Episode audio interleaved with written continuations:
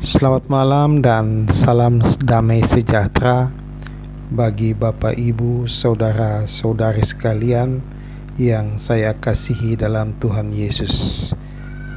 Kembali malam hari ini saya menjumpai kita semua untuk bersama-sama kita merenungkan kebenaran firman Tuhan yang malam hari ini terambil dari kitab Mazmur 119 ayat 97 sampai dengan 104 dan saya akan membaca satu ayat yang akan menjadi pokok renungan kita malam hari ini yaitu pasal 97 demikian firman Tuhan.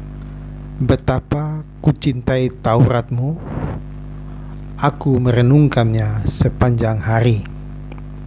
Amin dan renungan kita malam hari ini saya beri judul Merenungkan Firman Tuhan.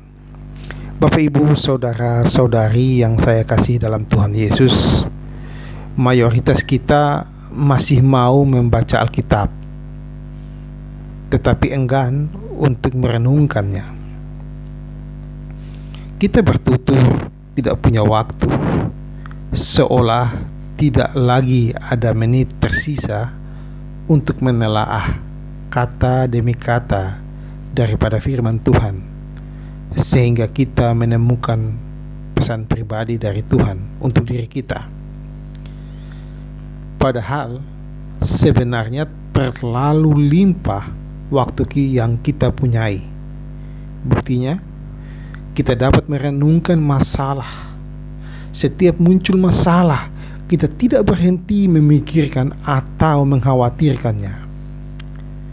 Bapak, ibu, saudara-saudara sekalian, Daud disebut sebagai seorang yang berkenan di hati Tuhan, dan ini dapat Bapak Ibu baca dalam kitab Kisah Para Rasul pasal 13 ayat 22. Tentu ada banyak alasan mendasari mengapa Daud mendapat predikat demikian. Salah satunya karena ia bijaksana menggunakan waktu. Menit-menit yang ada padanya tidak digunakan untuk merenungkan masalah, tetapi merenungkan firman Tuhan.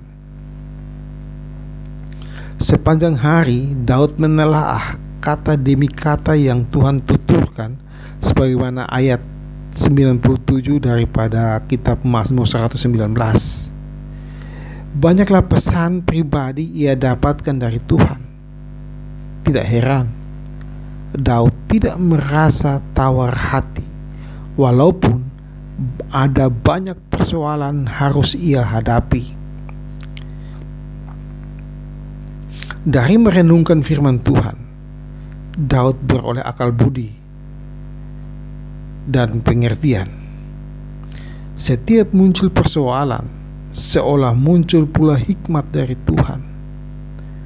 Tidak heran ia tidak terlihat bimbang walaupun ada banyak jalan di kehidupan ini yang memusingkan.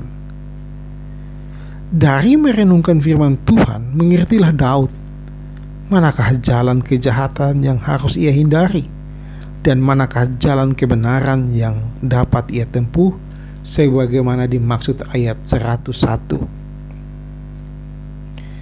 meneladani Daud, mulai hari ini saya mengajak kita semua, marilah kita merenungkan waktu dengan bijaksana. Marilah kita menggunakan waktu dengan sebaik-baiknya. Janganlah lagi merenungkan masalah seba sebaliknya renungkanlah firman Tuhan. Karena masalah tidak untuk direnungkan tetapi diatasi dengan petunjuk Tuhan. Dan petunjuk tersebut kita beroleh dari merenungkan firman Tuhan. Kita akan sadar betapa banyak waktu kita punya untuk merenungkan firman Tuhan jika kita tidak lagi sibuk merenungkan masalah. Amin. Demikian jauh firman Tuhan yang kita baca dan kita renungkan malam hari ini. Saya berdoa kiranya berkat dan damai sejahtera Tuhan Yesus senantiasa menyertai kita semua dari sekarang ini sampai selama-lamanya.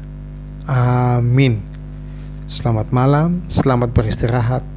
Tuhan Yesus memberkati Bapak Ibu, saudara sekali, saudari sekalian. Amin.